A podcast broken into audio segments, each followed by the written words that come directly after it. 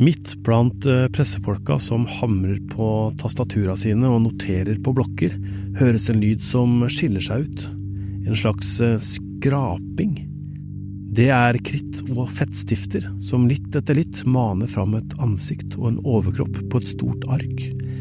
Innimellom dukker det opp ei lita støvsky opp fra papiret. Det er Ane Hem som holder i fargestiftene, og som har smitta over på henda hennes. Eh, jeg har eh, tegnet eh, tiltalte i dag, mens han har avgitt forklaringa si, da. Så det er det jeg sitter gjør. Jeg kikker på han og prøver å få han ned på et så godt jeg kan. Jeg heter Tor Erling Tømterud, og dette er Krimpodden i VG.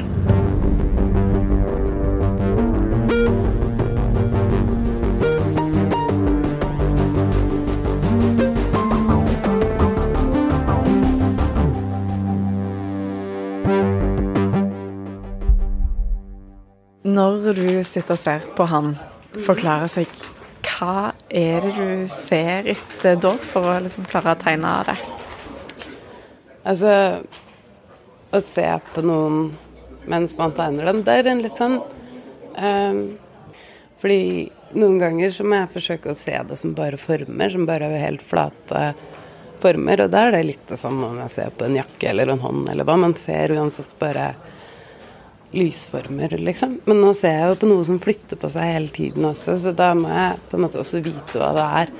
Eh, problemet med å ha veldig klart for seg eh, en sånn klar forestilling før jeg begynner å tegne om hva det er jeg har sett er at den vil aldri være nøyaktig. Da vil jeg begynne å bestemme meg for hvordan det er, uten egentlig å ha sett ordentlig på det. Eh, da tegner man dårlig. Så det blir ikke bra hvis ikke man har et sånt helt åpent åpent blikk på det. Krimikommentator i VG Øystein Milli og Krimpodens eh, journalist Ruth Einevold Nilsen er fremdeles på plass i retten. De tar seg en prat om det som har blitt sagt inne i rettssal 14. Den tiltalte Jonny Vassbakk, som nekter straffskyld, fortsatte å forklare seg i dag. Nå er retten heva for dagen i dag. Jonny Vassbakk er ferdig med sin forklaring, og, og, alle aktørene er ferdig med å spørre han ut. Og Øystein, hva slags inntrykk er det du har av hvordan det går med Vassbakk nå? Både altså, hvordan han har det, og hvordan han klarer seg? Nei, Han har det jo tøft, eh, og det er jo ikke noe eh, rart. Det er knalltøft å sitte i retten eh, generelt, og så har jo han en historikk som man skammer seg over, og som man eh, syns er eh, Som man beklager. Og det handler jo om veldig mange ting. Vi har hørt om alt fra at han har blotta seg for småjenter, blotta seg for damer rundt her i Haugesund. Det er angrep mot en psykolog med, som vi har vært innom før. Det er sykkelpumpeangrep. Tyveri, snike seg inn i hus. Skapt frykt og engstelse hos mange. Eh, og hatt en sånn plag, plagsom opptreden, eh, oppfatter en del eh, folk. Og det er klart dette, å sitte og prate om dette, og, og, mye av det, eller i hvert fall en del av det, handler jo om seksualitet, som er et veldig privat område for mange, og som jo noen vil si at han har en eller det har han jo, en avvikende seksualitet på en del områder, bl.a. når han da holder på med blotting for småjenter. Og det er den generelle ramma. Og så er det jo sånn at han har jo vært sliten i dag. Han sa det allerede når vi starta opp eh, klokka ni i dag, at han, han var sliten, eh, hadde sovet dårlig, merka gårsdagen, som jo var intens. Eh, men det var helt opplagt at han var mer sliten i dag enn i går, allerede fra start. Så blir han jo pressa gjennom dagen, og, og når forsvarerne hans begynte å spørre han ut, så så gikk han løs mot eh, aktoratet. Og med dirrende stemme så sa han jo at eh, det er et mareritt for ham, dette her. Han sitter her, og han sier jo at han eh, får spørsmål fra et aktorat som han mener vil utsette ham for et justismord. og at han er uskyldig. Gjentar det med, med styrke. Så Og det er jo klart at det gjør inntrykk å høre på det. Og nå er vi jo i en, en tid hvor justismord er mer aktuelt enn noen gang. og vi har sett eh, Altså denne saken eh, har jo et justismord på, på, seg, og vi har jo også et justismord fra, fra Baneheia-saken. Så, så, det er eh, verdt å, å, å lytte til. Um, og så brøt han jo også sammen to ganger. Uh, som jo understreker hvor vanskelig og tungt han synes det er. Uh, det første gangen var jo da han fikk, uh, fikk, spørsmål om dette som vi var innom i stad, nemlig at hva han tenker om de som har blitt utsatt for uh, den luskinga, og at han har gått inn hos folk og, og, stjålet ting. og når han da ble kjørt på det av statsadvokat Tale Tomseth, så, så, brøt han plutselig sammen ganske voldsomt, og retten måtte avbryte forhandlingene og ta en pause. Og så var det jo den andre anledningen, det var når han snakka om hundene sine. Han er en veldig hundefrelst mann og har veldig omsorg for dem. Og mista en hund i, i, i vår, eller vinter, og syntes det var leit. Og så det jo, ligger det under selvfølgelig at han er jo atskilt fra hundene sine nå som han har sittet i varetekt i 14 måneder, så, så det lå nok også i bånn, sånn som jeg oppfatta det som skjedde. Um, så har han jo vært Han beklager jo uh, veldig, har gjort det flere ganger i dag. Sier at han ikke har vært stolt over mye av det han har gjort, og at han ja, Under det ene sammenbruddet så sa han jo noe om at han gjerne skulle fått hjelp før og fått stoppa den oppførselen som han nå tar avstand fra, og at det er tøft å leve med en smerten han har påført andre. Det tydelig at det er en pressa mann som sitter i rettssal 14 disse dagene. Hva er det aktoratet har pressa han med i dag? Det er jo detaljerte spørsmål uh, om uh, disse tidligere hendelsene. Det er jo vold og seksuelle krenkelser. Det er, eh, som vi var inne på, denne snora rundt psykologens hals. Det ble jo, uh, han ble jo spurt om den, og han sier jo at han, han ble jo han, jo, han dro hjem til psykologen sin, og så ble han ferska når han onanerte på uh, soverommet, tror jeg det var. Uh, og hun lukka døra. Vassbakk ble alene igjen i rommet. Han fant frem en joggebukse som lå der, tok ut snora og gikk ut i rommet hvor psykologen etter hvert påtraff ham. Og Så oppsto den situasjonen hvor han da tar snora og, og har den rundt hennes nakke og hals og strammer til hardt. Og vi så jo bilder i, i retten, Ruth, av Eh, halsen hennes, og den var jo tydelig eh, rød.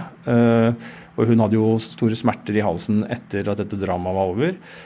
Men det som jo avbrøt den episoden der, var jo at snora røyk. Og så merker vi også at Vassbakk sier at han har mangelfull hukommelse både når det gjelder denne hendelsen og også den sykkelpumpehendelsen. Så har han snakka om at han plutselig Eh, ikke helt er med på hva som skjer. Og Det tror jeg nok påtalemyndigheten merker seg eh, med interesse. fordi at eh, sånn som drapet på Birgitte Tengs fremstår, så er jo en av forklaringsmodellene at den gjerningsmannen som har vært der, har mista kontrollen på et tidspunkt og utøvd en vold som er den, er, den er Jeg skal ikke gå i detalj på det, men den er veldig, veldig grov.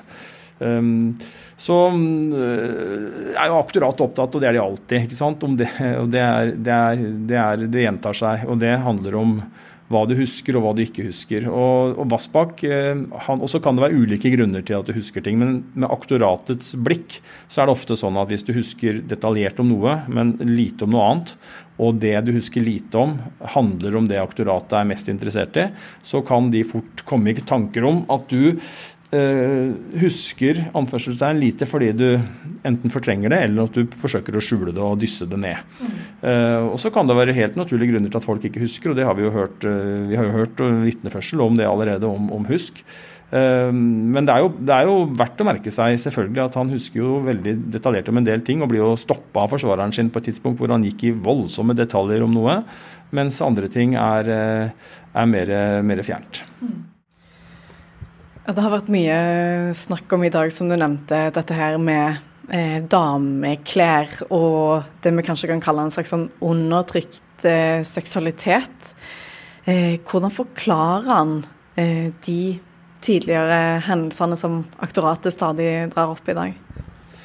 Nei, Han er jo skamfull eh, og beklager, og, og har jo sagt gang på gang på gang at han syns at dette er leit. og det er masse folk inne i salen. Det er ikke noe veldig stor rettssal, men jeg vil jo tippe at det er en, eh, kanskje 30 pluss-minus tilhørere der inne. Pluss at vi sitter jo flere journalister og publikummere i tilstøtende saler og følger med. Så det er klart at det er Og det, det er det jo lett for mange å forstå at hvis du blir tvunget til å brette ut dine mest intime sider, så er det klart at det er smertefullt. Uh, og det er ikke bare dette med de seksuelle preferansene, men det er jo oppvekst, uh, relasjoner ellers, uh, skolegang, bekymringer fra helsevesen, kontakt med helsevesenet. vi har hørt om hvordan han blir beskrevet av av eh, fagpersoner på at han skal ha mangla begrep og reaksjoner om, eh, om, dette med at kvinner blir redde, og hvordan oppførselen hans kan påvirke kvinner.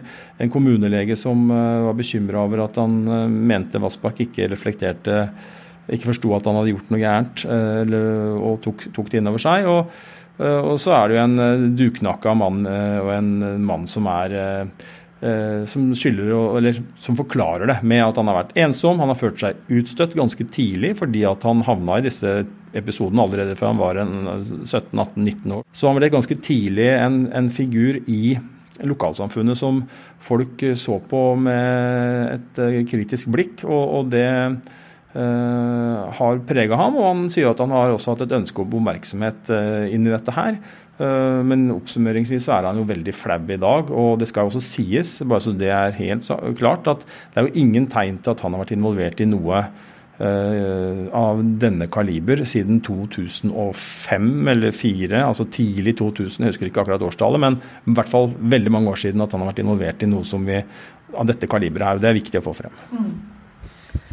Og så har jeg lagt merke til i løpet av eh, Vassbakk sin forklaring både i går og i dag at han ganske ofte sier eller refererer til at eh, dette har jeg lest i, i avhør, når han skal prøve å huske ting om seg sjøl eller eh, om andre. Og så får det meg til å tenke på, eller lure på, eh, hva tenker du det gjør med forklaringa hans? At han liksom Han har sett mye dokumentasjon, da. Ja, og her er det jo ekstra krevende, for her er det jo gjerne en sånn uh, tretrinnsragett. Noe av det han blir uh, eh, utfordra på, har han jo forklart seg om tilbake i 95-96. Og så ble politiavhørene nedtegna på en helt annen måte da, mye mer summariske som jo gjør at eh, det er et eh, ganske dårlig grunnlag sånn sett. Eh, og så har han jo blitt avhørt igjen om en del ting etter pågripelsen i fjor, vinter, nei, i fjor høst, før han fikk dokumentinnsyn. Og så har han jo fått lese dokumenter, og det er helt legitimt. Det er en del av hans rett på å forsvare seg og, for, og forberede et godt forsvar. Og så kommer han jo da noen, På noen punkt så kommer han jo med, med ny informasjon øh, nå, altså i slags sånn, det tredje trinnet, da, etter at han har lest dokumenter og her i retten. Um, og det er jo dommere og aktører i retten veldig trent på, uh, og hvordan de vurderer uh, disse situasjonene. Og så er det ulike si, vurderinger man gjør.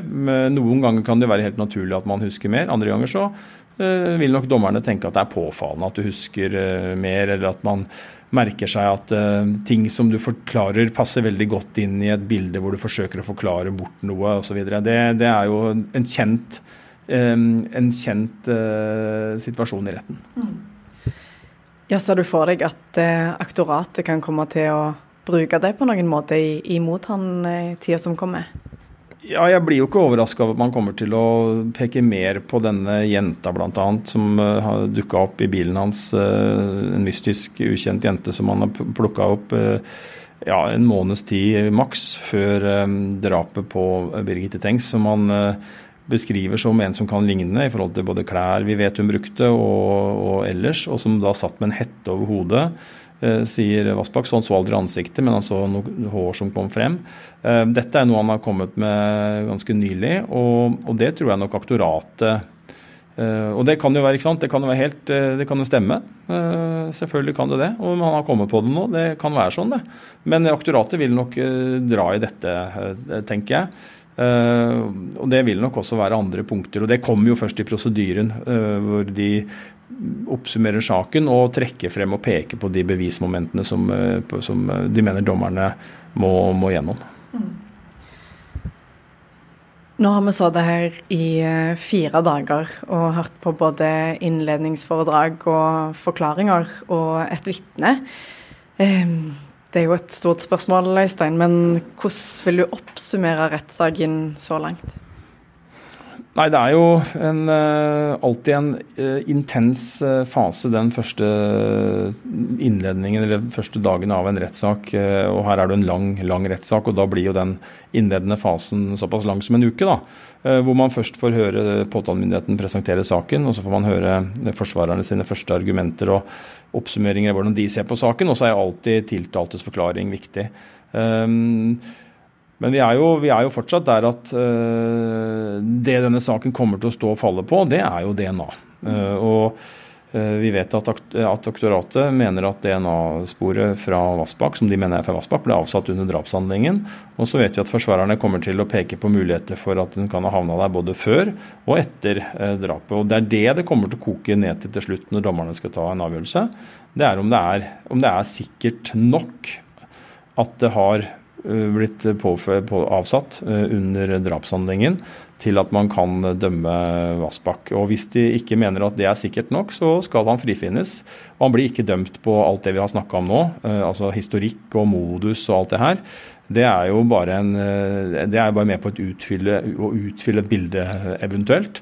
Det er, og det er og blir DNA som er, som er, det det handler om, og det kommer til å avgjøre saken. Og så har det jo bare denne første uka tegna seg et riss, kan man kanskje si, av liksom både hva som blir hovedpunktene til aktoratet og til forsvarerne. Men hvis vi begynner med aktoratet først, som jo er de som, som har ført Jonny Vassbakk for, for, retten nå. Eh, hva mener du har vært det mest overbevisende de har hatt å, å komme med denne uka? Ja, jeg vet ikke om det er overbevisende, men, uh, men de har jo gjort en grundig jobb i å på en måte tegne det bildet som de mener eh, skal tegnes av Vassbakk, som en um, altså Nå er vi jo på et område hvor det ikke bor så mange, og, og man har jo en hypotese om at gjerningsmannen var lokal. Uh, og det er klart at Når man da trekker frem alle de tinga som Vassbakk har vært involvert i, og som det ikke er noen tvil om at han har, er, står bak og har vært på over tid, og det at han, altså hele hans hele hans profil da, som en ensom mann med et sånt utagerende Han, har, han, han kan ty til vold i pressa situasjoner. Han har et, en seksualdrive som uh, aktoratet har uh, pekt på. Uh, og han var også sånn at han kjørte jenter i bil. Så har man jo noen momenter som, som, som aktoratet har etablert i retten som en moduskandidat. og på en måte de har jo forsøkt å skape et bilde av at eh, Birgitte, Tengs godt kunne ha havna i den bilen. Eh, og at når hun først havner i den bilen, og dersom det har oppstått en konfrontasjon, så kan det ha ført til eh, ja, en, en, en voldelig episode eller en voldelig tildragning, og da også drap. Men som vi var inne på, det, det, det, kan man tenke og tro og mene det, men, men det beviser ingenting. Og Da er vi igjen tilbake til det DNA-beviset, og det har vi ikke hørt så mye om foreløpig. Eh, og Det blir veldig interessant når DNA-ekspertene kommer. Det eneste vi har hørt, er at forsvarsadvokatene, og de har jo lest disse rapportene med lupe, de har jo vært offensive og sagt at de mener at det er en spekulasjon i det her. Bl.a. dette med at eh, DNA fra Vassbakk er avsatt med blodige fingre. Og de har også skrevet at, eller sagt at påtalemyndigheten har tatt noen snarveier uten å ta utdypa det. Og dette blir helt sentrale temaer og ekstremt interessant å følge med på framover. Mm, og Du er jo inne på det nå. Hva tror du at eh, dommerne har begynt å merke seg ifra hva forsvarerne har å komme med så langt? Nei, dommerne er jo nødt til å lytte til uh, at uh, Vassbakk nekter straffskyld, og, lytte til hans ganske uh, følelsesladde uskyldserklæring. Og det skal jo være utgangspunktet. du er uskyldig inntil det motsatte er bevisst. Og er jo, der er vi jo ikke nå, på noe vis. Så, så det, er, det, bør være dommernes utgangspunkt. Og, og så har de helt sikkert merka seg interessante trekk ved Vassbakk som de i det øyeblikk de blir overbevist eller ser i retning av at her kan det være sånn at skyld blir bevist, så vil de nok trekke ned en del av disse elementene som ligger der. Men, eh, men, eh, men inntil videre nå så må de jo på å si, fortsatt stå fast på at uh, det er ingen som skal gå ut av retten verken her eller andre steder uten at det er bevist over enhver rimelig fornuftig tvil at de er skyldige. Og du skal være uskyldig inntil det motsatte er bevist, som sagt. Og da er vi ikke der ennå at det er bevist på noen måte, så det må være dommernes utgangspunkt. Mens alt dette foregår, sitter to menn og følger ekstra godt med på Jonny Vassbakk. Reporter Ruth møter dem for å høre hva slags rolle de har i rettssaken. Jeg heter Dan Tungland, jeg er psykologspesialist og har arbeidet med rettspsykiatri i ca. par og tyve år. Jeg heter Tor Ketil Larsen. Ifølge mor mi skrev presten feil, så de fleste sier Tor Kjetil. Men jeg har jobba med psykiatri i 30 år, forska på tidlig psykose i 20 år og jobbet med dette her i 15 år. Hva er deres rolle i denne saken? Ja, Vi får et mandat fra, fra tingretten om å gjøre en rettspsykiatrisk undersøkelse av den personen som er sikta for en kriminell handling, eller tiltalt for en kriminell handling. Og Da er det for for å vurdere om han eller hun har en, rett, en alvorlig psykisk lidelse eller en utviklingshemming eller andre problemer som, som gjør at vedkommende eh, at retten da kan bestemme at han ikke skal ha samme straff som andre som ikke har den typen vansker. Mm. Og dette her har dere gjort ganske mange ganger før? Ja, jeg har gjort det en 600-700 ganger, faktisk. Så vi har erfaring, både meg og, og her, i å gjøre lignende jobber. Ja, de fleste som jobber innenfor dette fagfeltet har ofte en bakgrunn i jobber innenfor psykisk helsevern, eller psykiatrien, gjennom en del år. Og har gjort utredninger av personer som har alvorlige psykiske lidelser. Eh, så det kreves for at det skal gjennomføres en undersøkelse som vanligvis blir gjort av to personer. Eh, så skal den ene være spesialist. Og det, som regel er begge spesialister, enten i psykiatri eller i, i klinisk psykologi. Mm. Og når dere gjør en eh, såkalt judisiell observasjon, kan vi ikke begynne med det? Hva, hva går det ut på? Ja, Vi får jo et mandat fra retten som ber oss om å undersøke spesielle ting. Det går jo i stor grad på å undersøke om folk har alvorlig psykisk lidelse, så vi snakker med dem. Gjerne to, gjerne tre, gjerne fire ganger, alt ettersom hva behovet er. Og så Eh, skriver vi en erklæring. og I prinsippet er det sånn at vi er to sakkyndige som skal gjøre selvstendige vurderinger. Så skriver vi en erklæring sammen. Vi kan i prinsippet være uenige. Det er ikke så ofte med det, men vi har vært det noen ganger. Så det, det er viktig at det skal liksom være to fagpersoner som gjør en selvstendig vurdering av den det gjelder. Og disse um, samtalene dere har med de dere eh, utreder, hva snakker man om da, for å finne ut disse tingene, eller hvordan, hvordan foregår de? Ja. Vanligvis innleder en med å forklare den det gjelder. Observanten kaller vi vedkommende faktisk på, på fagspråket. Om hva dette innebærer. Vedkommende blir òg forklart at dette er frivillig. Eh, vi orienterer om taushetsplikt. Eh, vi forteller òg om hva undersøkelsen går ut på. Eh, vi vil òg ofte helt i starten gjerne spørre den det gjelder, om, om jeg kan hente inn opplysninger kanskje fra personer som kjenner han eller hun godt. Eventuelt fra fastlege. Hvis han har vært i kontakt med psykiatrien eller psykisk helsevern, så vil vi spørre om det.